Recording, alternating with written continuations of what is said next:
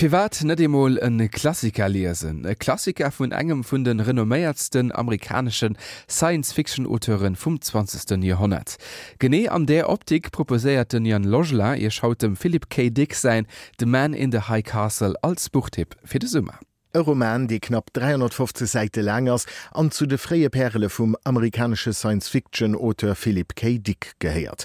Den um seht vielleicht net direkt allmënjappes, me de Philip K. Dick huet mat de Vilaren zu Blade Runner, Total Recall oder Minority Report as engem 350 Schuer kurze Liwen wieke hanner los, déi an de lächte Féier ze Schuer mat ihre respektive Verfilmungen zu de ganz grosse Blockbustere vum Hollywood-Kino geheiert hunn.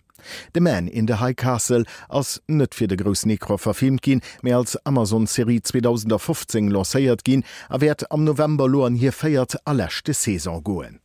Genie datwer de Grund, fir watch mech desidedéiert hat an dësem Summer die literarisch Vilach ze lesen, mat der de Philip K. Dick 1963 jochte Hugo Award e vun de bedeutendste Science-Fiction-Literaturpreiser gewonne kommt. Dobei ass de Man in de High Castle ou sech keng richteg Science-Fiction-Geschicht gewircht, mé Roman, dee seg Geschicht an enger alternativer Realitéit erzielt. De Man in de High Castle spielt an de freie 1960er, die awer ganz ernstnechter Sinne wie déi 1960er, die mir alle gotten aus de Geschichtsbicher kennen. 1933 kurz nur dem zen amerikanische Präsident gouf ass de Franklin D. Roosevelt engem Attentat zum Affer gefall sei Successor war schwer an so komet wie huet musssse kommen net die alliéiert méi Nazideitschland an die Äner Ase muchten hun den Zweite Weltkrich gewonnen den an der am Buch beschriebener Realität bis 1947 gedauert huet. Konsequenz do vun erwer, dat se Steitschland a Japan Welt an auch USA opgedeelt hunn den Oste vun den USA gëtt vun den Nazie kontroléiert an administréiert, d'Westküst ass ënner japanescher Kontroll an der Tëcht gëtt mat de Rocky Mountain States en swadison neutrale Pufferstaat. Geschicht, die de Philip K. Digger segem Wiergest im Jahr 1962 verzielt, spielt zum größten Deel an de japanisch dominierte Pacific States of America, an Deel so an de Rocky Mountain States. He lieft mam Ote vom Buch The Grasshopper Lies Heavy och e Mann, den a segem Buch eng weider Alternativrealitéit beschreift, an der d'Amerikaner de Krisch gewonnen hunn. Dst Buch ass an denen Deler vun der Welt, die vun de Nazie kontroléiert gi verbuden, an de japanisch kontroléierte Gebieter toleriert, an ënnerter Hand een absolute Bestseller.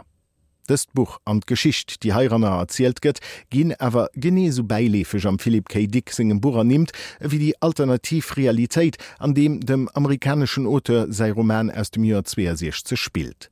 Troll am Buch spielne grab vor Leiit aus ënnerschiedlesche soziale Schichten, den hire Lebenslaf sech méi oder manner zoufälleg am méi oder manner intensiv iwwerschneit. Et sinn hier Geschichten, die d Buch droen. Et léier den no an no de Chef vun der japanesche Handelsmissionioun an Amerika, sei leefsten Antikär, ägyptischen Handwirker, die firdéicht traditionell amerikasch Follegskonst fälscht am Donno Bijo produzéiert, dem Handvierker seg exfra, en Naziterrorist an Resistenzler kennen, den zwer net direkt probéiert de Naziregime ze stierzen, mit den op manst probéiert ze verhënneren, dats dem Hitler sengiwen nach méi Territoire vun der Welt ënner Tierkontroll kreen. Kliewe vun dese respektive Personen mat ihrem ganz ënnerschiedlesche soziale Standing an ethnesche Background gëtt vum Dick op eng unspektakulär manier beschriwen an erzielt. Er bring de dawer fertigch ëmmer nies Gedankegang vun de respektive Protagonisten eso as sei Buch ze verflechten, dat se engem Deelskal de Regeruf. Ein einfache Romaners de Man in der High Castle se schon net, well den Dixech desideiert hat, die Einzelhandlung streng parallel niewen nieläffen ze losen verknappt sinn Personagen duch Zofall do Rakeltechnik vum Igong an duch Buch de Grasshopper Lies Heavy, wat die Inselprotagonisten am Buch ëmmer nees van noch reimlech, ethnisch an ideologisch getrennt ze Summe bringt.